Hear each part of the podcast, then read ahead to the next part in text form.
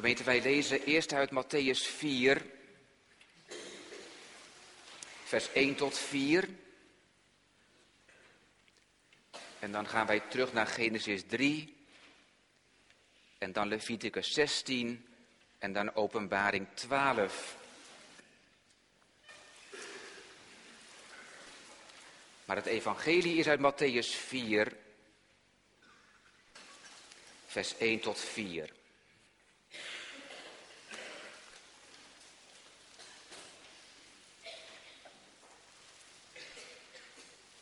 En daar komt de Heer met zijn woord tot ons vanmorgen.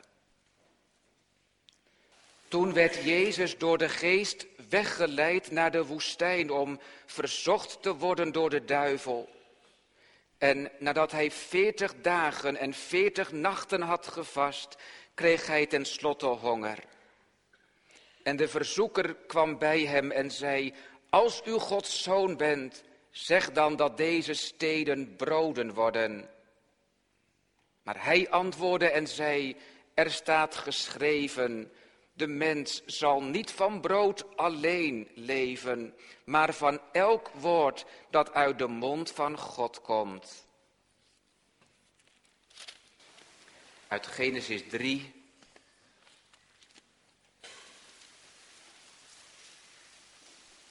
Lezen wij vers 23 en 24.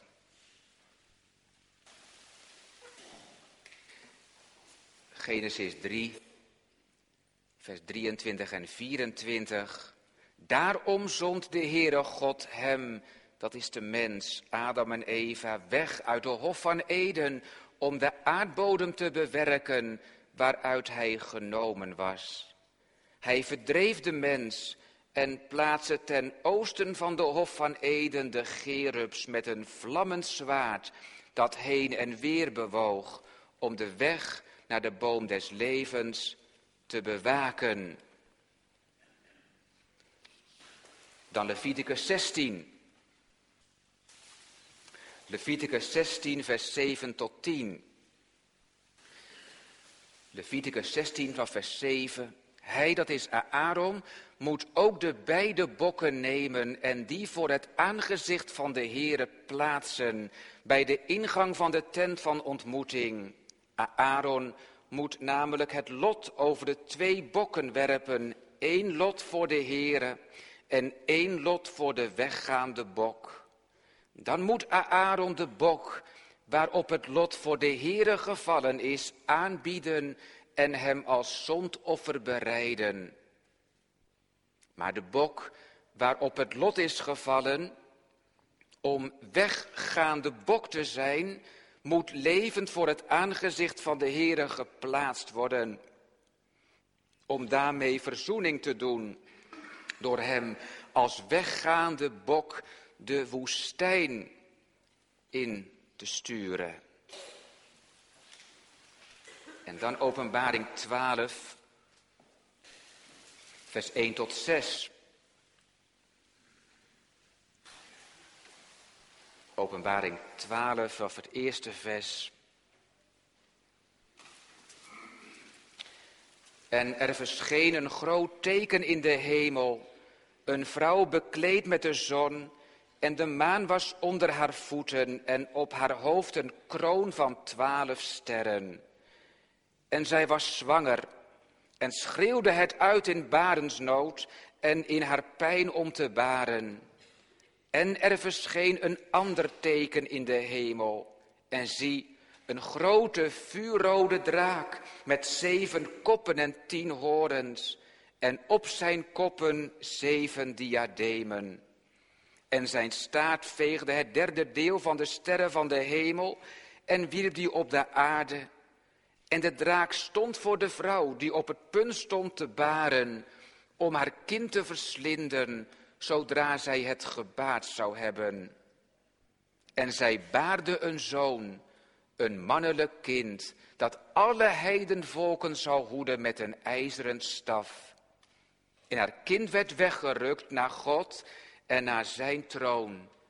En de vrouw vluchtte naar de woestijn, waar zij een plaats had die door God voor haar gereed gemaakt was, opdat men haar daar zou voeden 1260 dagen.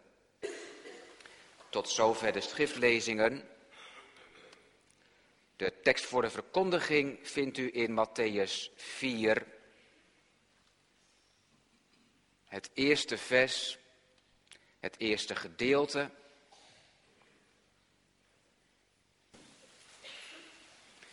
Matthäus 4, vers 1a. Toen werd Jezus door de geest weggeleid naar de woestijn. En dan gaat het in feite vooral om dat woordje weggeleid. Toen werd Jezus door de geest weggeleid naar de woestijn. Jezus weggeleid. Jezus weggeleid. Soms, gemeente, kan een enkel woord uit de schrift zo'n druk op je ziel uitoefenen dat er geen houden meer aan is. En dan moet je er ook maar niet onder vandaan lopen. Maar zeggen, heren, zegt u het maar. Gaat hier om. Matthäus schrijft in vers 1 van hoofdstuk 4. Toen werd Jezus door de geest weggeleid naar de woestijn. En nu zeggen ook Marcus en Lucas dat de Heer Jezus in de woestijn verzocht is geweest. Marcus zegt dat wel heel indringend. Dat moet u thuis maar eens nakijken vandaag. Marcus schrijft dat de Heer Jezus de woestijn ingedreven wordt. Alsof er iets van geweld aan te pas moest komen om Jezus daar te krijgen. Hij werd in die woestijn gedreven en in die woorden van Marcus hoor je iets terug van, van Genesis 3. Want Adam en Eva, die werden het paradijs uitgedreven. En nu wordt de Heer Jezus de woestijn ingedreven. Dat is de grote tegenhanger, zo gezegd. Want ja, de Heer Jezus gaat de weg van Adam en Eva helemaal overdoen. Van het eerste begin in tegenovergestelde richting. En Lucas, die schrijft dat, dat de Heer Jezus vol was. Vol was van de Heilige Geest van God. En zo door die geest de woestijn in wordt gebracht. En hoewel ik het daar niet zozeer over hebben wil vanmorgen, is dat toch wel opvallend. De Heer Jezus vol van de Heilige Geest, zojuist is hij gedoopt. En daar kwam die geest als een duif op hem neer. En wat gebeurt er nou, lieve vrienden? Wat gebeurt er nou als de geest van God op je komt?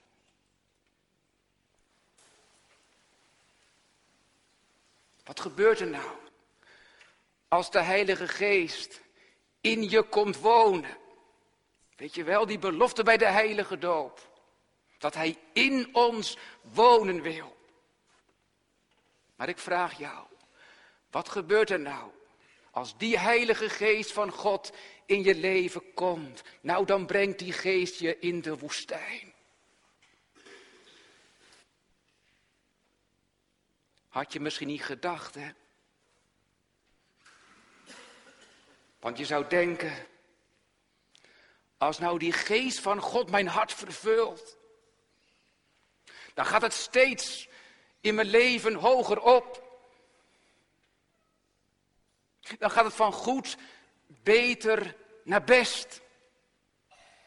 Steeds hoger op. Nou ja, dat zeg je nu wel.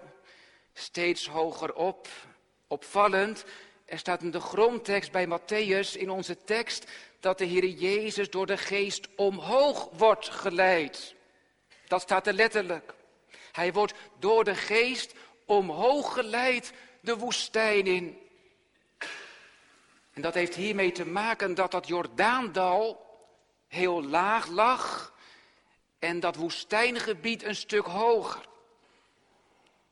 Dus vanuit, dat, vanuit die vallei van de Jordaan was de weg inderdaad omhoog, zo de woestijn in.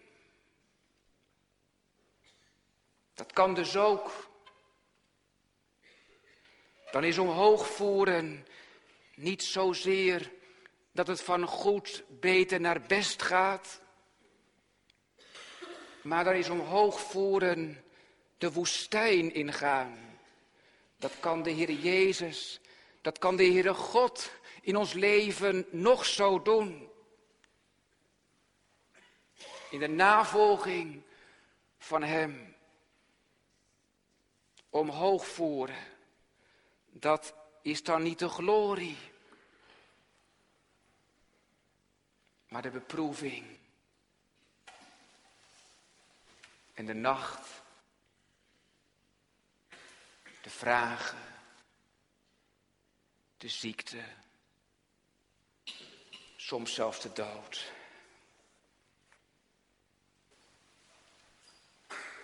Matthäus zegt heel letterlijk, toen werd Jezus omhoog gevoerd. Je moet goed luisteren. Dus moet je goed luisteren, gemeente. Straks, want dat bedoelt Matthäus hier al. Straks dan zal de Heer Jezus opnieuw een keer omhoog worden gevoerd. Oh ja, ja, de berg op. De berg Golgotha op. Ja. Dat ligt hier al in het verschiet. Toen werd Jezus omhoog geleid, dan ga ik op. Hoger op, tot Gods altaar. Hoger op voor het offer.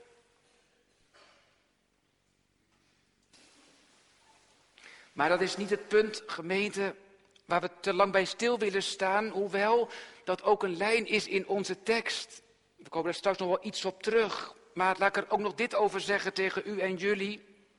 Misschien zeg ik dan iets wat u nog nooit eerder hebt gehoord, maar het gaat hierom. In de uitleg van het Nieuwe Testament wordt wel gedacht en gezegd dat het Matthäus-evangelie een tijd lang, dus in de eerste tijd vooral, heeft gefunctioneerd als een leerboekje bij de heilige doop. Want kijk, aan het eind van het Matthäus-evangelie, dan geeft de opgestane Heer Jezus zijn discipelen de opdracht om erop uit te gaan, om al de volken te onderwijzen en hen te leren en hen te leren onderhouden wat Hij hen geboden heeft. Maar ja, hoe moet dat nu? Hoe vertel je al die volken die nog van niks weten, die God niet kennen, die de Heer Jezus niet kennen, wat zij moeten geloven? En, en wat zijn dan de geboden die de Heer Jezus geboden heeft om die te onderhouden?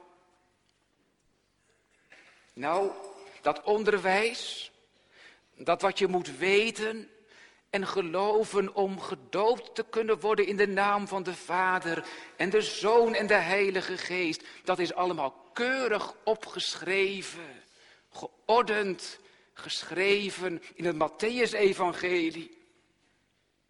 Daar wordt immers geschreven over de gang en over de macht van de Heer Jezus. Daar wordt in de gelijkenissen iets onthuld aangaande de verborgenheden van het koninkrijk van God. En de bergrede komt hierna, hè, hoofdstuk 5 en verder. Dat zijn nou precies de geboden die de Heer Jezus geboden heeft om die te onderhouden. Maar ik zeg u,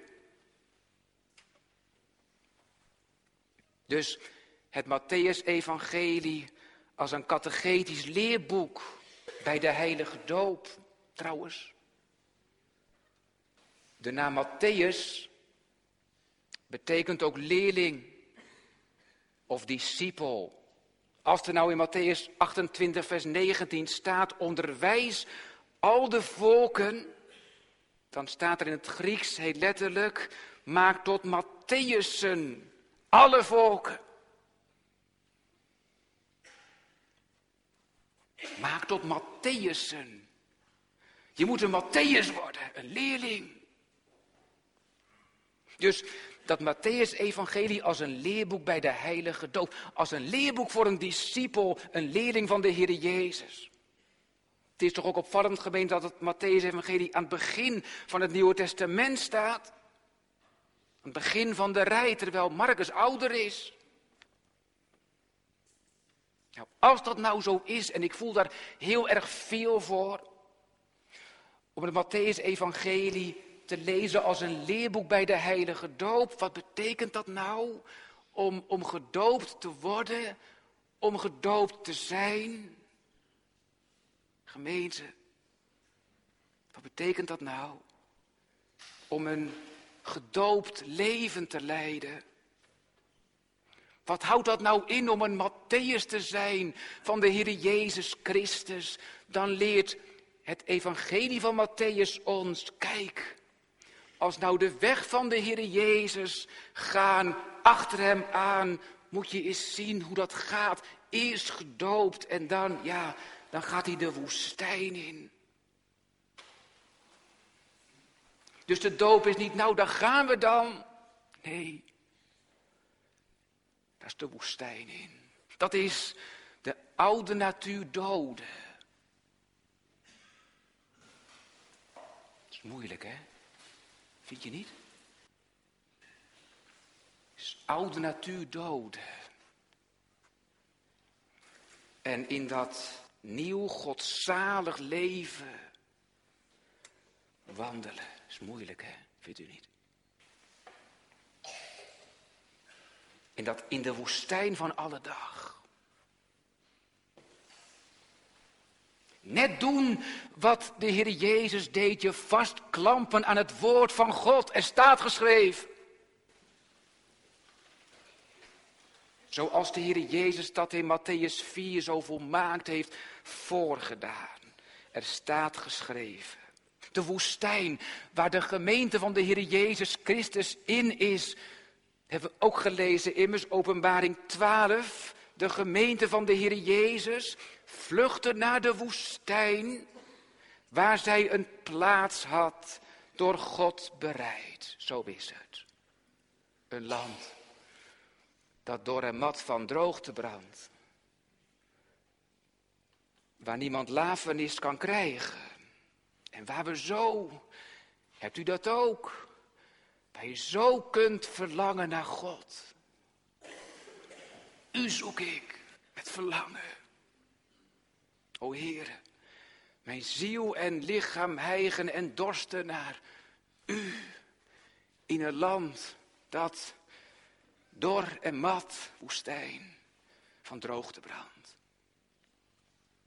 Maar, en nou kom ik, of ben ik eindelijk waar ik wezen moet met u en jou in deze preek. Ik had het zojuist erover dat er een woord kan zijn dat je aandacht trekt en dat je bezig blijft houden. En bij Matthäus valt in vers 1 van hoofdstuk 4 één woordje ineens zo ontzettend op. Dat is dat woordje weggeleid. Lees eens mee. Toen werd Jezus door de geest weggeleid naar de woestijn. En nou is natuurlijk dat woordje wegleiden een heel gewoon werkwoord. Daar niet van. En toch omhoog leiden, zei ik net al eventjes, dat staat er. Want Matthäus plaatst een klein woordje voor het werkwoord leiden of gaan. Dat je krijgt wegleiden, omhoog leiden, omhoog brengen. Het staat ook in de passieve vorm. De Heer Jezus wordt door de geest weggeleid en omhoog geleid. En dat had dus ermee te maken, zei ik, dat dat Jordaandal, waar die uit vandaan komt, laag gelegen was. en het woestijngebied hoger gelegen was. Dat is dan duidelijk, hè? En er staat ook heel duidelijk dat de geest, dat de geest hem wegleidt om verzocht te worden.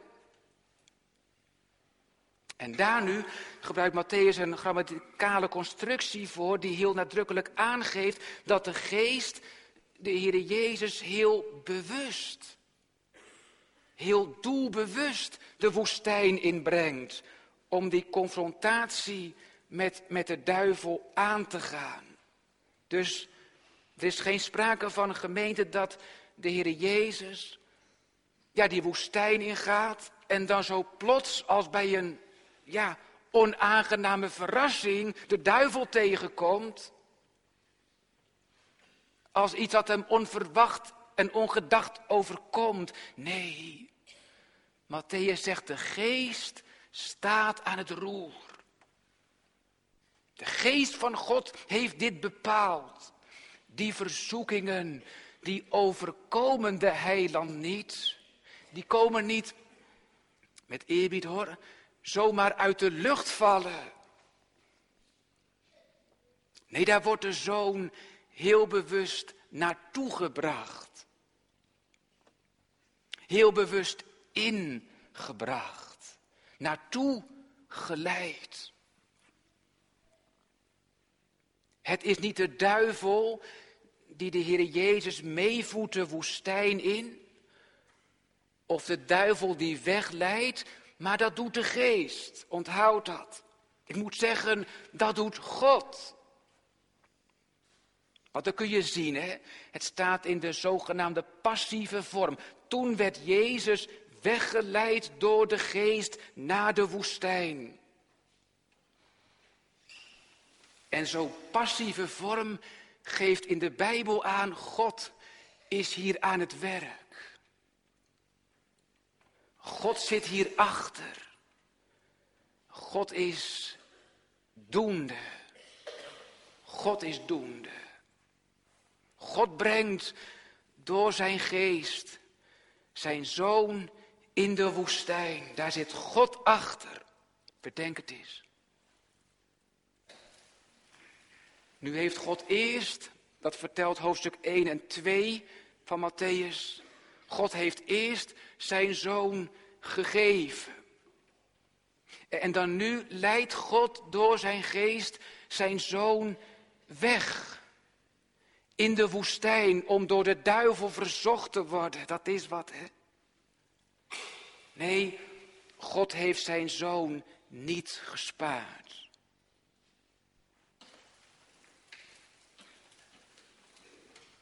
Dat heeft God niet gedaan. God heeft zijn zoon niet gespaard, maar hem voor ons allen overgegeven. Tot in die woestijn toe. En dat gaat nou maar steeds in het evangelie zo door. Daar kom ik zo nog even op terug. Dat blijft de vader steeds maar doen. Zijn zoon geven. Ja, waarom? Waarom laat de Vader door zijn geest hem nu die woestijn inbrengen? Ja, waarom zou dat zijn? Dat weet je toch. Dat weet je toch. Kijk, dat leer je nou uit je doop. En in je doop. Christus is die confrontatie met hem, de duivel, aangegaan.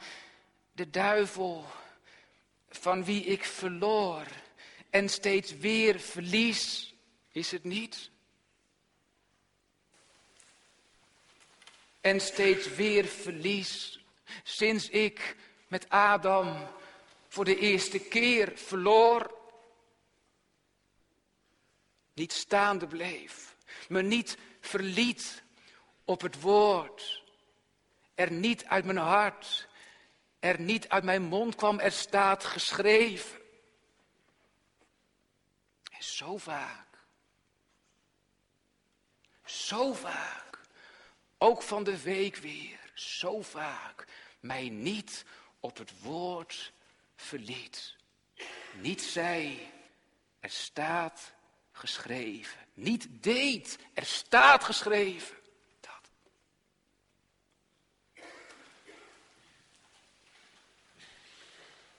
Maar kijk eens. Daar gaat hij.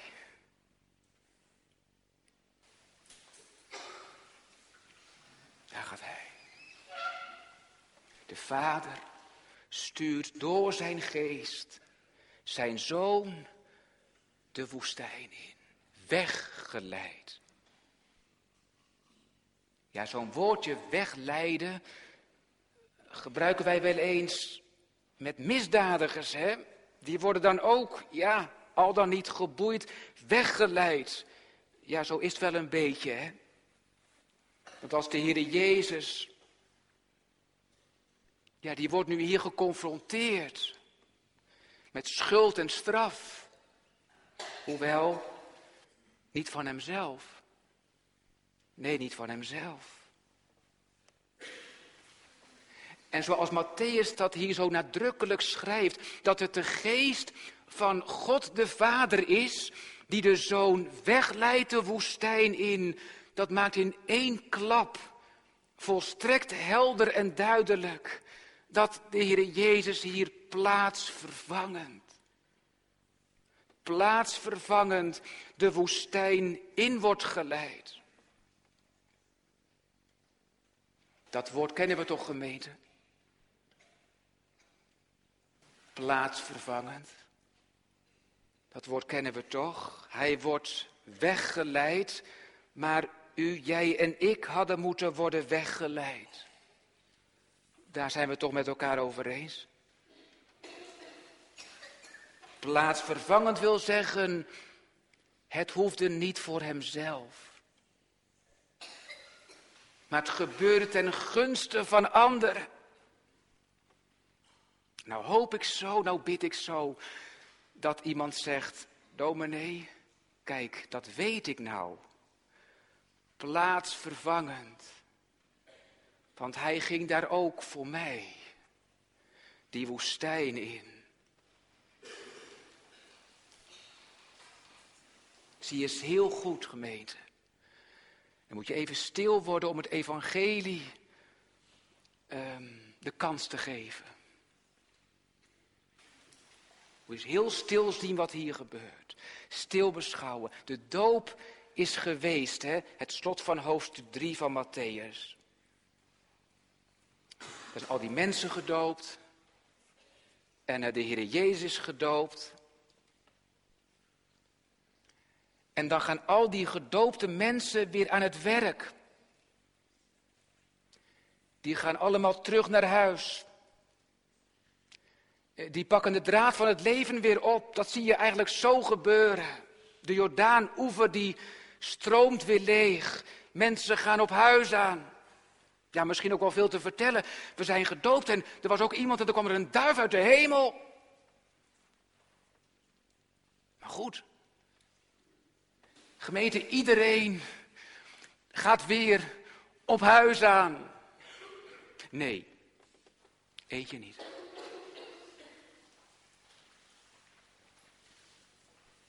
Eentje niet. Voelt u dat? Mag het evangelie bij u binnenkomen vanmorgen? Al die mensen die uh, gaan op huis aan. Pakken de draad van het leven weer op, maar eentje niet. Eentje niet.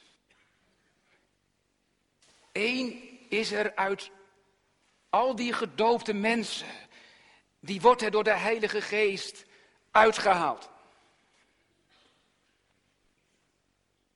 Om weggeleid te worden de woestijn in. Zie je dat gebeuren? Al die mensen zo die kant op naar huis en eentje die gaat die kant op. De woestijn in. Wie is dat? Je zult zijn naam noemen Jezus.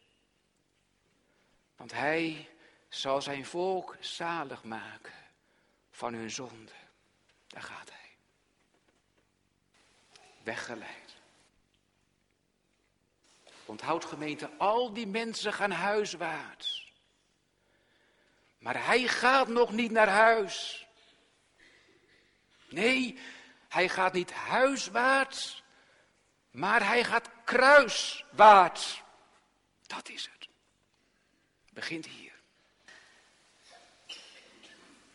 En omdat hij weggeleid wordt, omdat hij weggeleid wordt, kunnen al die mensen op de Jordaan-oever rustig naar huis.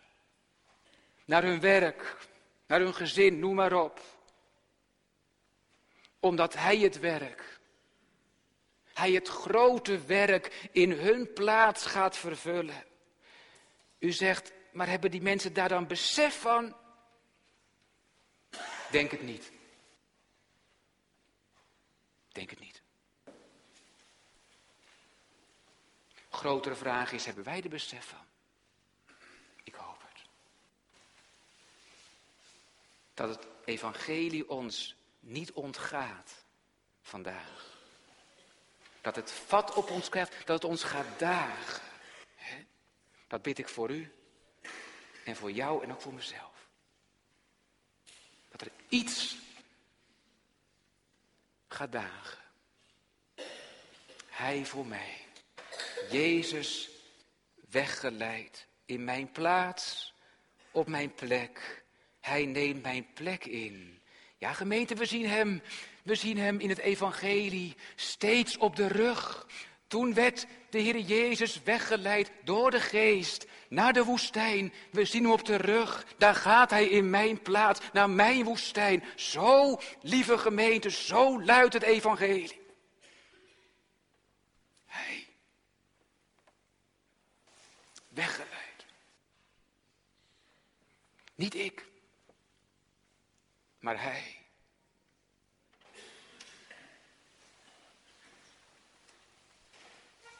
Nog even mee blijven doen, gemeente, alstublieft.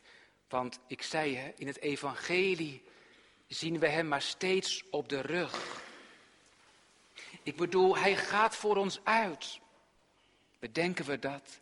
Dat wij geen Christus meer achter ons hebben, maar één die steeds voor ons uitgaat. Toen werd Jezus door de geest weggeleid in de woestijn. Toen. Dat staat er, hè? Het begin van vers 1, toen. Dat woordje toen, dat, dat is een lievelingswoord van Matthäus. Dat komt wel 90 keer voor in het hele Matthäus-evangelie. Toen. Toen, lieve vrienden. Toen is dat gebeurd. Dat is een feit. Een heilsfeit, zou ik zeggen. Mag ik dat jou zeggen? En tegen jou zeggen, jij die zo vaak, zo vaak ondersteboven gaat. Zo vaak de kamp met de duivel verliest. Het gewoonweg niet redt om staande te blijven. Het maakt je soms zo wanhopig, soms zo verdrietig, weer verloren. Weer verloren. Soms dan schieten tranen in je ogen niet aan weer onderuit gegaan. Weer hem zo verlogend. Maar luister, er is iets gebeurd. Toen, zegt Matthäus, dat is toen gebeurd. In die woestijn. Daar werd de zoon door de vader ingebracht, door de geest, om jouw strijd te strijden om uw overwinning te behalen toen. Daar kun je dus, ja, daar kun je dus je hand op leggen. Ik bedoel natuurlijk je gevouwen handen opleggen. Dat is toen gebeurd, echt gebeurd toen. En nog even meedoen, want ja, dat gebeurt hier nu in de woestijn, hè, weggeleid. De Heer Jezus wordt weggeleid. Maar ik lees het evangelie toch nog even verder. Ik kom in hoofdstuk 26. Ach, kijk maar even mee. Matthäus 26.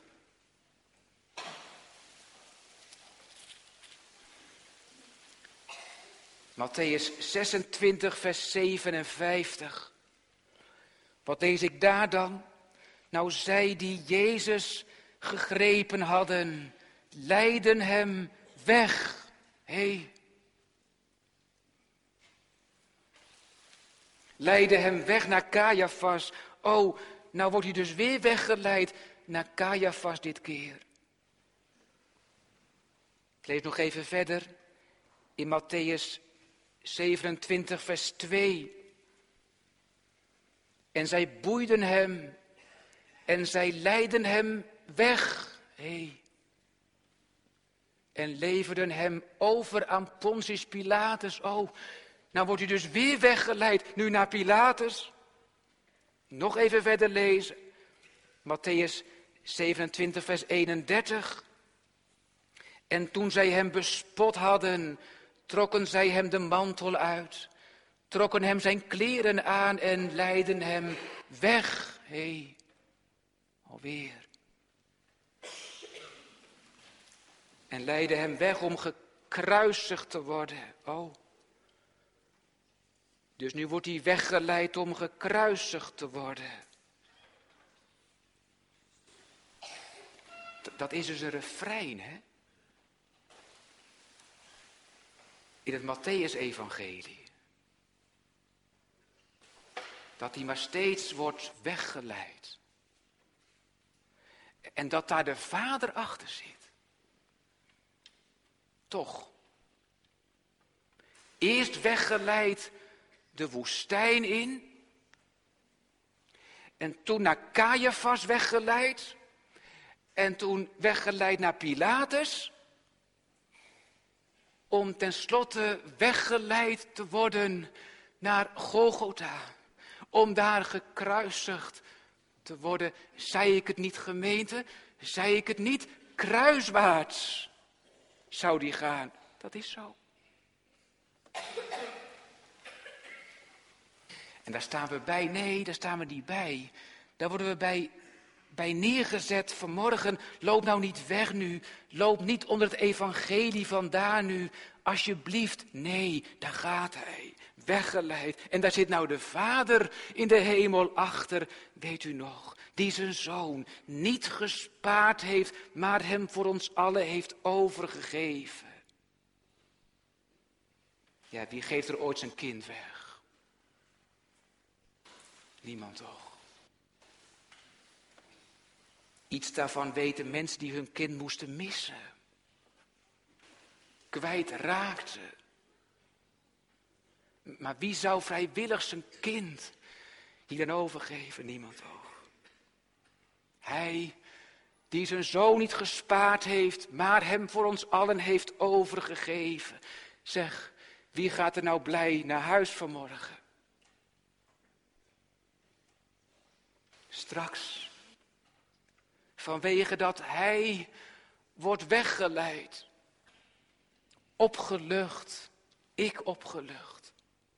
Daar gaat hij met mijn schuld op zijn schouders.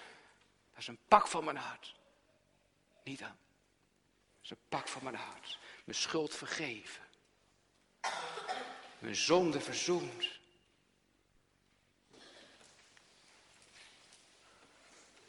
Hij weggeleid.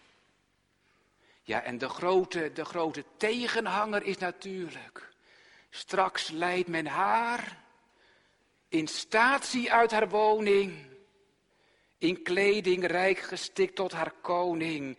Ja, hoe kan dat nou hierom? Hij wordt weggeleid.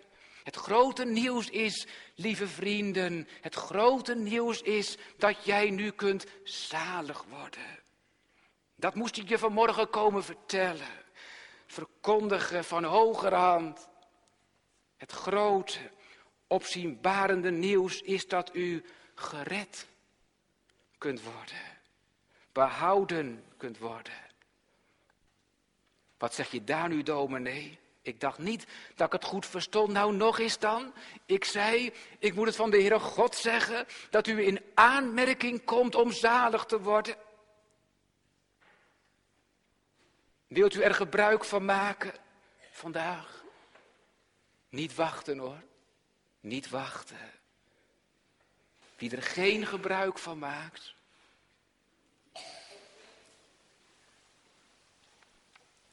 wie er geen gebruik van maakt, zal straks voor eeuwig worden weggeleid naar die plek van donker en duivel, de eeuwige duisternis.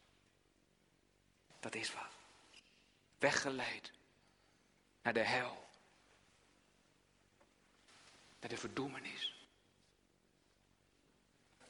Kom, lieve gemeente, zie Jezus.